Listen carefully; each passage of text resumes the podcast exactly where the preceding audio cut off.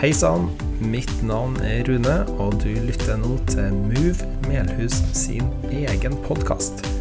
Besøk oss gjerne på movemelhus.no for mer informasjon, eller søk oss opp på Facebook. Vel bekomme. Det, det som jeg skal dele nå i kveld, det er noe av det som jeg driver med for tida, og har drevet med de siste ja, hjelper meg, 30 åra eller noe sånt. Ja. Da jeg var 17 år, så fikk jeg et personlig møte med Jesus, og nå er jeg 47. Så da, det jeg skal dele nå i kveld, det er en viktig bit av min verden. Eh, salmekonserten 1.10. Det blir da denne gangen i Betel i Trondheim. Det er en ren salmekonsert. Den heter 'Salmeskatter i personlig drakt'. Det er en annen viktig bit av det som jeg driver med, men som ikke tar tid til i kveld og liksom, eh, gjøre så veldig mye ut av bak flygelet der. Eh, spontan eh, improvisasjon med utgangspunkt i de her fantastiske salmeskattene som er så kjent og kjær for veldig mange av oss. Så jeg, jeg roter ikke for mye med melodiene der, men jeg roter kanskje nei, Ikke roter, men altså, krydrer, da. Eh, litt arrangementsmessig. Men jeg sitter helt alene bak et flygel i en god time. Og det er veldig intimt, og det er veldig sånn tilbakelent. Og det er ment at det skal være til trøst, oppmuntring, håp og styrke i en ellers veldig travel hverdag. da.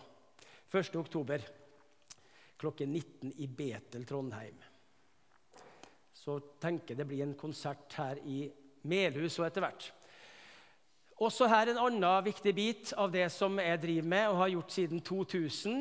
Og jeg fryder meg når jeg hører at dere er med for fullt og støtter Kambodsja og arbeider der. Eh, det er jo en del av Sørøst-Asia, og det ligger jo mitt hjerte så nært. Jeg har jobba nedi der siden 2000 sjøl og har vært i Kambodsja en del ganger. Og eh, i hovedsak så er det Thailand da, av de her landene i Sørøst-Asia som ligger på mitt hjerte. Her er det en ringe begynnelse på noe som er veldig spennende for tida i Thailand. Nemlig en sånn nasjonal bevegelse hvor skoler og sykehus og fengsel og lignende typer institusjoner nå åpner opp og sier vær så snill, kom til oss og fortell de her gode nyhetene om han derre Jesus. Prayesu på thai. Jeg snakker litt thai, da. Jeg er litt stolt av det. Nei, jeg er ikke stolt av det. Det hjelper i hvert fall. Og, og, Her er det da i en, en, en, provins, en av 77 provinser i Thailand, en som heter for Chayapum. Det er oppe i nordøst-Thailand. Og Det ser veldig stort og flott ut. En stor scene, og vi hadde satt opp masse både stoler og benker og alt mulig ute på ei stor fotballslette da, eh, i denne byen der. Og det tror jeg kom 70 stykker eller sånt på møtet. Så det var fint. Det var en ringe begynnelse. Men det som var herlig, da altså Temaet er Den hellige ånd, så jeg er i gang med det allerede å preke nå. Dette er ikke bare informasjon. Dette er faktisk eh, inspirasjon, forhåpentligvis, om hva Den hellige ånd gjør da, i våre liv. Vi sto nå der og vi proklamerte fortalt om Jesus til de her buddhistene, de 70 pluss buddhistene som kom. Og så kom forsynet med han der majoren òg, eller mayor, altså hovedordføreren da, for hele denne provinsen. Hovedansvarlig, hovedpolitikeren, kom på møtet og ble berørt og sa dere må jo komme på lunsj til oss i morgen. Så da kom vi på lunsj, og da diska han opp med jeg vet ikke hvor mange var tiretters middag. eller noe sånt. Og Han var så begeistra. Han sa neste gang dere kommer, så må dere bare få møte hele politistyrken min. Han var så stolt av min, altså min provins, min politistyrke, mine skoler sant? og min, min, min. Posisjon er viktig. Så han sa de må komme der. Vi har eh, masse politi som gjerne skulle hatt litt engelsk undervisning. Og da må dere få undervise dem om eh, det budskapet som dere holder på å fortelle her i kveld. Så det var bra. Så har det bare balla på seg, da. og nå så var vi en tur nedover. Nå fikk vi inngang da med, eh, på en sånn eh, teknisk high school eh, med 2000 eh, tenåringer samla inne på en skole. Dette er helt nye ting i Thailand, folkens.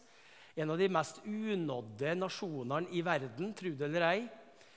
Det er liksom 0,6% kristne i en befolkning på 70 millioner. Det skal han ikke tro når han reiser ned der, og alt er så Sawatika!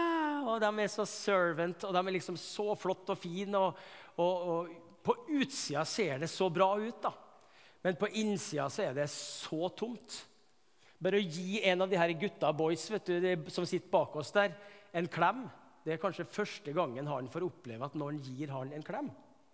Da snakker vi om altså, også voksne. da. Mor og far ga han aldri en klem.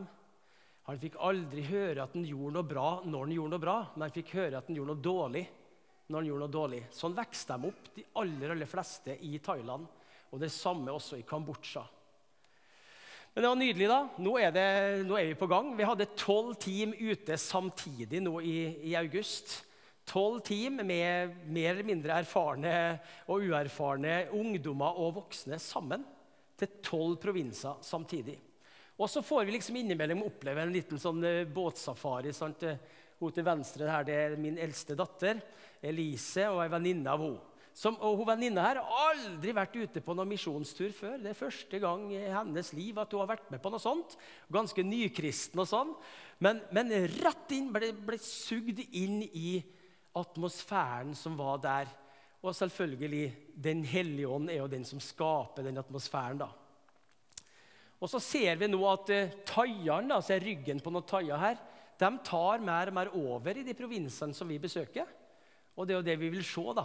Det er ikke at vi, De er avhengige av oss for at ting skal skje, men at de blir avhengige av Gud. da. At vi kan være med oss og booste opp en prosess sammen med dem. sant? Og I neste omgang så trekker vi oss ut, så fortsetter dem. Og så tar vi andre provinser hvor det her ikke er oppe og går. Så det her er en provins nå, den her Chayapum, som vi besøkte for noen år siden. Nå tar de den provinsen sjøl. Menigheter står sammen. De går ut til fengsler, sykehus og skoler og forteller om Jesus. Og de ville ikke ha hjelp av oss, sa de. Så det er jo gledelig når de klarer seg sjøl. Og så midt i det hele så møter vi en mann med fire koner. Og han var så glad og lykkelig, vet du. Og stakkars både det kona og han, tenker jeg da. Men vi fikk lov til å formidle evangeliet til han der. Og så i, midt i det igjen sant, så ser vi sånne herlige unger som det her vi får rundt på skolen og forteller om Jesus til barna. Og så ser du begeistringa i dem her da, i det vi forteller om han er Jesus som ga synet til en blind mann. Sant? Og så, ja! Og vi spiller det ut med, med, skuespill og alt som er, og tar med ungene på lag sant? og spiller skuespill med dem. Og så blir de så begeistra. Så eh, litt sånn promo for eh, neste år òg, da. Skriv ned denne datoen. Altså. Hvis det her trigger det litt nå, så skal du få lov til å være hjertelig velkommen til å være med på et av de timer som skal ut neste år, august, 3.-10. august. Mer informasjon kommer. Så, så, det, så, det, er sagt. Sånn. Da var vi ferdig med den. Og så, Da fikk du en liten bolk med noen bilder fra hva Den hellige ånd gjør gjennom oss og gjennom en nasjon der ute fjernt ifra oss.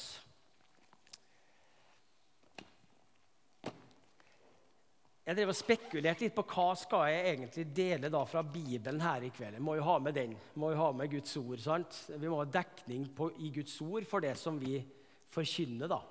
Hvis ikke det er det, så er det litt sånn skummelt, tenker jeg. kan være. Da er vi litt på sånn tynn is. Men vi har veldig god dekning for det som skal forkynnes for og undervises her nå i, noen minutter. Eh, den hellige ånd og vi, var det det? Vi kan jo godt ta med det òg. Den hellige ånd altså For mange av oss kan Den hellige ånd være litt sånn eh, spooky. Jo, noen har gått på alfakurs her. Kan vi se om det er noen som har gått på alfakurs? Uff da. Ja, Så flott at, at, det var noen som har gått på alfakurs. Men det er jo et kjempemarked, et potensial de luxe til å starte på alfakurs. Vi har til og med hatt det her på bedehuset. Jeg har vært med og leda et par kurs her. og På hvert kurs er det folk som gir sine liv til Jesus for å la han få bli frelser og herre i sine liv. Og Der snakker vi om Den hellige ånd. og mange ser jo på Den hellige ånd som en sånn eh, ånd i lampen som vi da gnikker på en lampe, liksom, og så kommer det opp en ånd, og så sier den 'ønsk deg tre ting'. Uhu. Og Noen ser på Den hellige ånd kanskje som en sånn flytende væske sant, som bare flyter imellom eh, eh alt det som vi ser. og så for, Vi klarer liksom ikke helt å altså det, det, er uhåndterlig. da, Det er liksom ikke en fast masse eller fysisk eller konkret som vi lett forholder oss til. Eh, jeg har sjøl sett litt på Den hellige ånd sånn, og de første kristne som jeg møtte, som jeg liksom kan huske i dag, da, som var liksom drev og promoterte Den hellige ånd, det var noen pinsevenner nede på Tingvoll, som jeg kommer fra på Nordmøre. Og, og det var liksom, De prata et rart språk, og liksom de delte ut drops mens vi ba. sånn. Det var liksom, Vi må jo be, det er jo hellig stund her. De gikk og delte ut sitrondrops til oss gutter på 14-15 år. Eh, og ropte etter oss ut på gata når vi gikk forbi på skolen der, og de hadde bønnemøte inne på gymnaset. Og vi tenkte nei, de her folka de var rare. Det var litt sånn spooky greier. da. Det var uhåndterlig, det var uoversiktlig og det var litt, litt skremmende. Men samtidig så var det et eller annet som var litt spennende òg, ikke bare skremmende. da. Når de snakka om Den hellige ånd, og den kraft, og den hjelper, og den sånn motor i hverdagen din og sånn. Så det var noe spennende, men litt skremmende. Så ble jeg da 17 år, eh, og jeg fikk eh, liksom en sånn eh, berøring mer sånn konkret, hvor jeg liksom fikk høre om Den hellige ånd. Og jeg tenkte at nå skal jeg hoppe hoppe ut på vannet en tur. da. Skal ta meg en liten spasertur på vannet og ta sjansen på å invitere Den hellige ånd inn i livet mitt og så fylle meg med sin kraft. da. Og Det gjorde jeg da jeg var 17 år, og, og ja, da forsto etter hvert at det er litt mer konkret enn at det er bare noe sånn svevende masse der ute. Så eh, nå har jeg blitt bedre og bedre kjent med den og funnet ut at det er en person eh, som tenker og føler og som faktisk har en del masse gode ideer å komme med. Så det her Thailand-greia som du så her, det, det er et ut, Utgangspunktet der var at jeg var utbrent. Eh, jeg var deprimert. Jeg hadde kjørt meg litt for hardt ut over tid, så det sa pang! Eh, ja, ja, Det er litt sånn. Det kan bli litt bråk med han karen her, altså, men eh, du skal bli kvitt meg om 15 minutter. eller noe sånt.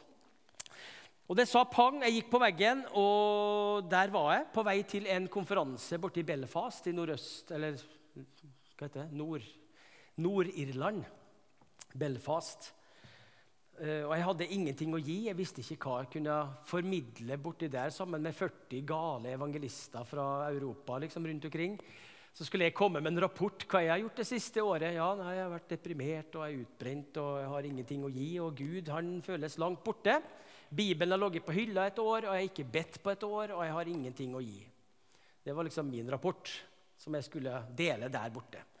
Og så midt i flyet da, på vei til Belfast, så over Nordsjøen, eller hva det var som vi var over, så kommer det et kart ned fra taket. Og Det var kartet over Thailand. Og Det er bare for å beskrive litt Den hellige ånd, hvordan han kan fungere. Da. Han er ikke så avhengig av at vi skal være på topp for at han skal kunne bevege seg i livet vårt. da. Jeg tenker heller motsatt noen ganger. At uh, vi, vi, må liksom uh, vi må tre tilbake litt. da. Og noen ganger så tvinges vi også til å tre tilbake. Ta et steg tilbake, sånn at da får han rom og plass til å gjøre det som han har tenkt. Så det han gjorde med meg, han ga meg en visjon om at hele Thailand skal få høre evangeliet på kort tid. Samtidig alle provinsene. Og det var i en situasjon hvor jeg som sagt var deprimert og utbrent. Og alt det der. der. Og Det var i 2006, og den visjonen er enda mer levende enn den noen gang har vært før. Og det er kun Gud, eller Den hellige ånd, som kan holde liv i dette gjennom si, ild og vann. Det er bare ett eksempel da, på, på, hva han kan gjøre, og hvordan han opererer. Han er ikke avhengig altså, av at du og jeg er på topp. Jeg er heller ikke avhengig til altså, at vi en gang ber en veldig flott bønn. Jeg er veldig dårlig til å be. Da. Jeg bruker å si det til folk som jeg kjenner at kan ikke noen andre be, for jeg er så dårlig til å be. Vi tuller litt om det der. Men, men det handler jo ikke om å være god eller dårlig til å be. Det, det er jo egentlig bare en sånn tøyseting. Det handler om hva han er bra på. Sant? Og han er bra på det han er bra på.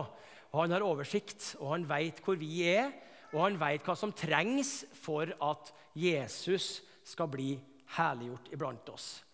Jeg har lyst til å lese ifra, for å bli litt bedre kjent med Den hellige ånd, fra Markus kapittel 1. det var, utgangs, det var et sånn utgangs, litt annet utgangspunkt jeg fikk i dag i forhold til det som jeg ofte gjør når jeg skal snakke om Den hellige ånd. Så står det her at 'én dag i Kapernaum' er overskriften fra Markus kapittel 1, vers 21 og utover. Så kom de til Kapernaum, og da det ble sabbat, gikk han inn i synagogen og underviste.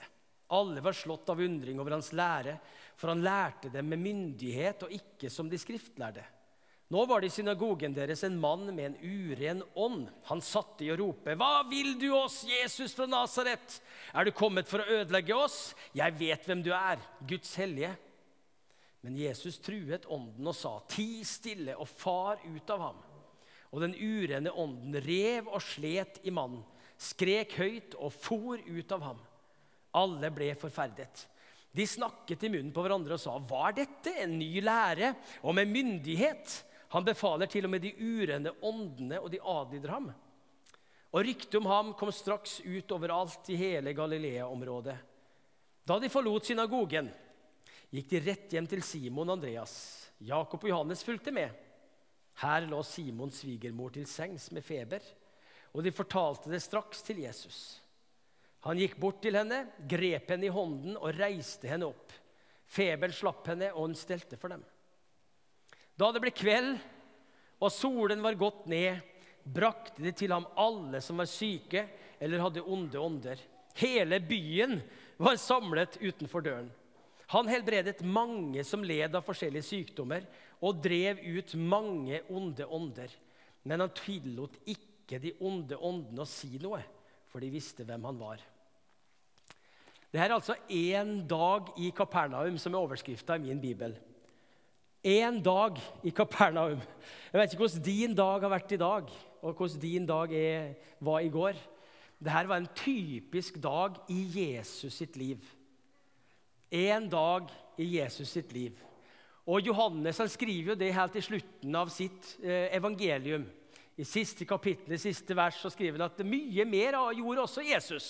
Men om alt det han gjorde, skulle da skrives ned, så ville ikke hele verden romme det biblioteket som da måtte, altså, hvor de her bøkene skulle lagres.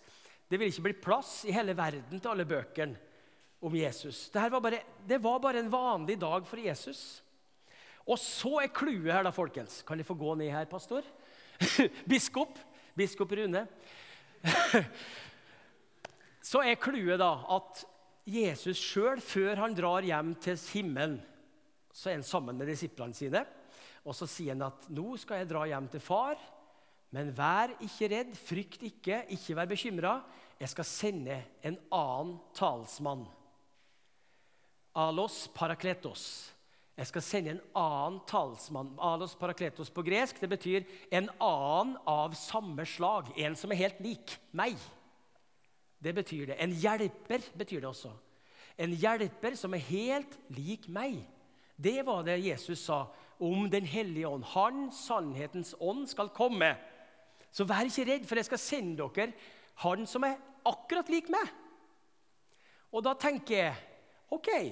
Det der var en dag i Jesus sitt liv. Det var det han drev med. Hvordan skal jeg bli kjent med Den hellige ånd og forstå hvordan han er? Vel, da bare ser jeg hva Jesus gjorde. Da ser jeg hva han tenkte, da ser jeg hva han talte. Og så tenker jeg slik er Den hellige ånd. Da kunne vi egentlig sagt uh, amen og takk og lov og bedt en sluttbønn her. Hvis vi bare hadde fanga opp det der, nøkkelen her på Move i ettermiddag. Hvis vi bare forstår det Jeg forstår det ikke sjøl, men jeg holder på å få et lite glimt av det. Jeg fikk forstå det litt bedre i dag tidlig, når jeg, når jeg var desperat. Altså, Gud, må du gi meg et budskap til ettermiddag! Jeg drev og leda lovsang i Betel, og fortsatt var det liksom litt sånn Nei, hva? jeg kan jo si masse om Den hellige ånden, det er jo ikke det. Men jeg må ha en sånn nøkkelsetning. Jeg må ha et eller annet som kan bli noe som de kan ta med seg hjem når du går hjem fra MUV i ettermiddag, noe som er spesielt levende for meg òg. Og da ble det akkurat det der, der. Hvem er Den hellige ånd? Jo, han er akkurat slik som Jesus. så når du kommer hjem nå, så kanskje at du får en idé. Nå skal jeg ringe ho Petra. Eller nå skal jeg gå bort til naboen. Skal jeg bake et eller annet?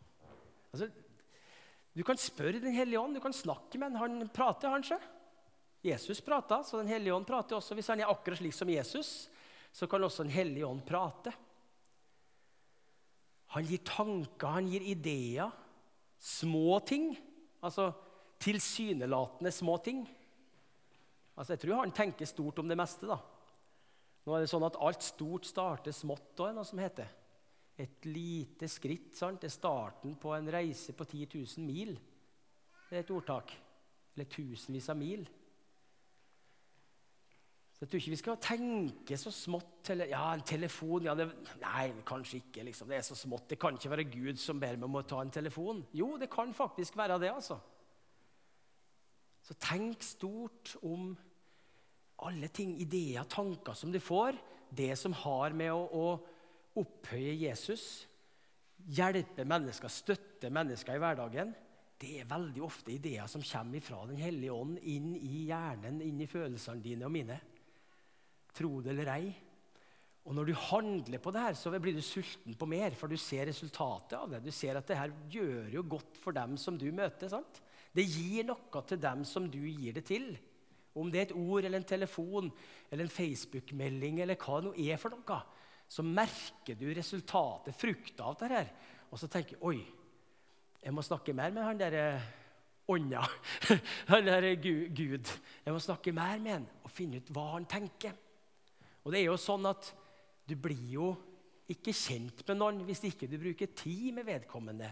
Så det er jo sånn jo mer tid du bruker med en. Og det gjør du gjennom ordet, gjennom bønn og gjennom å være i, for i fellesskap med andre kristne som ønsker å ha Guds nærvær iblant seg. sant? Da blir du smitta. Så bruk tid med det her, så vil du bli bedre og bedre kjent med Den hellige ånd. Jeg skal gi deg et, et eksempel, par kjappe eksempler til slutt nå, og så skal vi bare be en felles bønn, og så gir jeg ordet over til, til deg, Marte, igjen.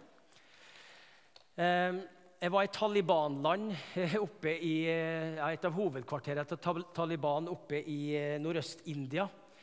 Eh, eh, en base for hele Himalaya-regionen. Det er en, en, stat som heter, eller en provins som heter for Gualpara og hadde møte der for noen tusen mennesker. Det var kanskje 4000 pluss som var ute på sletta rismarka foran meg. Det hadde vært bombesøkere og andre fra militæret som har vært der før oss for å sjekke at det ikke var noen bomber og sånt noe lagt utover sletta der før møtet begynte. Og vi kjente jo litt den nerven, da. Kjente litt på den her spenninga. Samtidig så var vi veldig trygge på at Gud han ville fysisk Jeg har sagt det til ham så mange ganger. Jeg snakka med en hellig ånd, og så sier jeg, Hellige ånd, hvis, du, hvis jeg gjør noe feil nå, hvis jeg går for langt, eller hvis jeg ikke går langt nok, så må du fysisk bare legge til rette for at enten så skal jeg stoppe med det jeg gjør, eller så må du føre meg i en annen retning, eller så må du bare pushe på sånn at det går litt lenger enn det jeg skal gjøre. Og igjen og igjen så har jeg opplevd det her, her at uh, sånne små signaler eller fysiske sperringer eh, det kan være Når vi er ute og kjører bil, så er det sperringer på veien fysisk som gjør at vi må en annen vei. Og det er Helligåndens måte til å hjelpe oss og, og, passe på oss på, så at ikke vi havner borti et kjempeproblem lenger borti veien. Men her var vi på sletta, og ofte så, når det er liksom slutten på møtet, og da tar det tak, vet du, og, og jeg kauker ut evangeliet. sant? Og alle som tar imot Jesus, de må bli frelst. Run to the cross! Kom til korset! Spring til Jesus! Han er den eneste veien. Og Der var det stort sett bare muslimer og så noen fanatiske hinduer sånn ute på sletta. og bare eh, på slutten, vanligvis sier så er det den måten, måten jeg kjenner at liksom det tar tak i slutten av et møte der ute blant noen tusen eller ti tusen mennesker. Men akkurat denne kvelden så var det akkurat som at Den hellige ånd bremsa meg. da. Var, jeg fikk ikke til å proklamere høyt og tydelig. Jeg fikk ikke til å rope ut budskapet. Jeg fikk ikke til å invitere folk liksom høylytt. 'Kom til Jesus! Kom til Jesus!' Så jeg fikk ikke til det. Så jeg tenkte hva er det her? Her må jeg bare være lydig og gjøre det som jeg kjenner. Så det var akkurat som et sånt teppe som la seg over hele den sletta der. Og alle de her 4000 pluss muslimene og hinduene bare sakte, under stille lovsang, så kommer de bare fram der. Kommer de fram til Jesus og gir sine liv til Jesus som sin frelser og herre. Med gråt. Det var gråt over hele sletta. Og det her er ikke en dag eller det teamet jeg hadde med meg. Det her er Den hellige ånds verk, hvor han tar over, rett og slett. Så nå er det blitt litt sånn etter det her, så det blitt litt sånn Let Jesus loose. Slipp løs Jesus. Slipp løs Den hellige ånd, og så får han ta over, i stedet for at vi skal gjøre ting på vår egen måte, sånn som vi har gjort det så mange ganger før. Det funker, men når han tar over fullstendig, da funker det gjerne enda bedre enn når vi gjør det vi tror er rett. Så Det var et eksempel. og da Midt i det her så får vi beskjed om at nå kommer det en talibansk gjeng borti gata her. Dere må bare hoppe ned fra scenen og stikke ut i bilen. Den står der, rett attmed scenen. Kom dere ut av dette området, for de er ute etter dere. Midt i det her, sant? Midt i denne gråten, midt i denne stille greia. Men det, da, da, gikk det så bra. vet du. Det var ikke noe problem, for vi kjørte tilfeldigvis i feil retning i forhold til det som de kom. Det vil si gudfeldigvis i rett retning. Så vi møtte aldri på denne mobben. Det er mye vi kunne sagt om det. Men altså, Poenget mitt er la Den hellige ånd få rom. La Den hellige ånd få lov til å gjøre ting på sin måte. Bli kjent med Den hellige ånd. Han er en person som er akkurat slik som Jesus. Alos parakletos. Johannes 14, 16 snakker bl.a. om det. Det er en oppsummering jeg holder på med nå. En av samme slag. Så bli Du kjenner Jesus, de fleste gjør det, har hørt om han. Sånn er Den hellige ånd. Det er litt spennende. Skal vi be sammen? Kjære Jesus, takk at du sendte oss en av samme slag. Og takk at du viste oss med ditt liv her på jorda hvordan Den hellige ånd tenker, og hvordan Den hellige ånd opererer. For han opererer og tenker slik som du gjorde, Herre. Bare at nå kan du, Jesus, være over hele verden samtidig. Nå er ikke det begrensa til ett fysisk, geografisk område om gangen, men du er nå, gjennom din ånd, så er du over hele verden samtidig, Herre. Og, det, og, vi kan få lov til å være kanaler for deg, Jesus, i vår hverdag. Og Herre, jeg ber om at eh, resten av dagen i dag og morgendagen og dagene framover skal bli sånn én dag på Melhus, én dag i Trondheim, én dag på Kvål, én dag i Buvika. Det skal bli sånn, ja, det skal skrives historie, Herre, gjennom de her hverdagene våre, fordi vi slipper det mer til i våre liv, Jesus. Bare ber om det i ditt navn, Herre. At fra i dag av så skal vi hver enkelt få ta noe valg på at vi skal bli mindre i oss sjøl, og så skal du få vokse i oss, Herre. Bare ber om det i Jesu Kristi navn. Amen.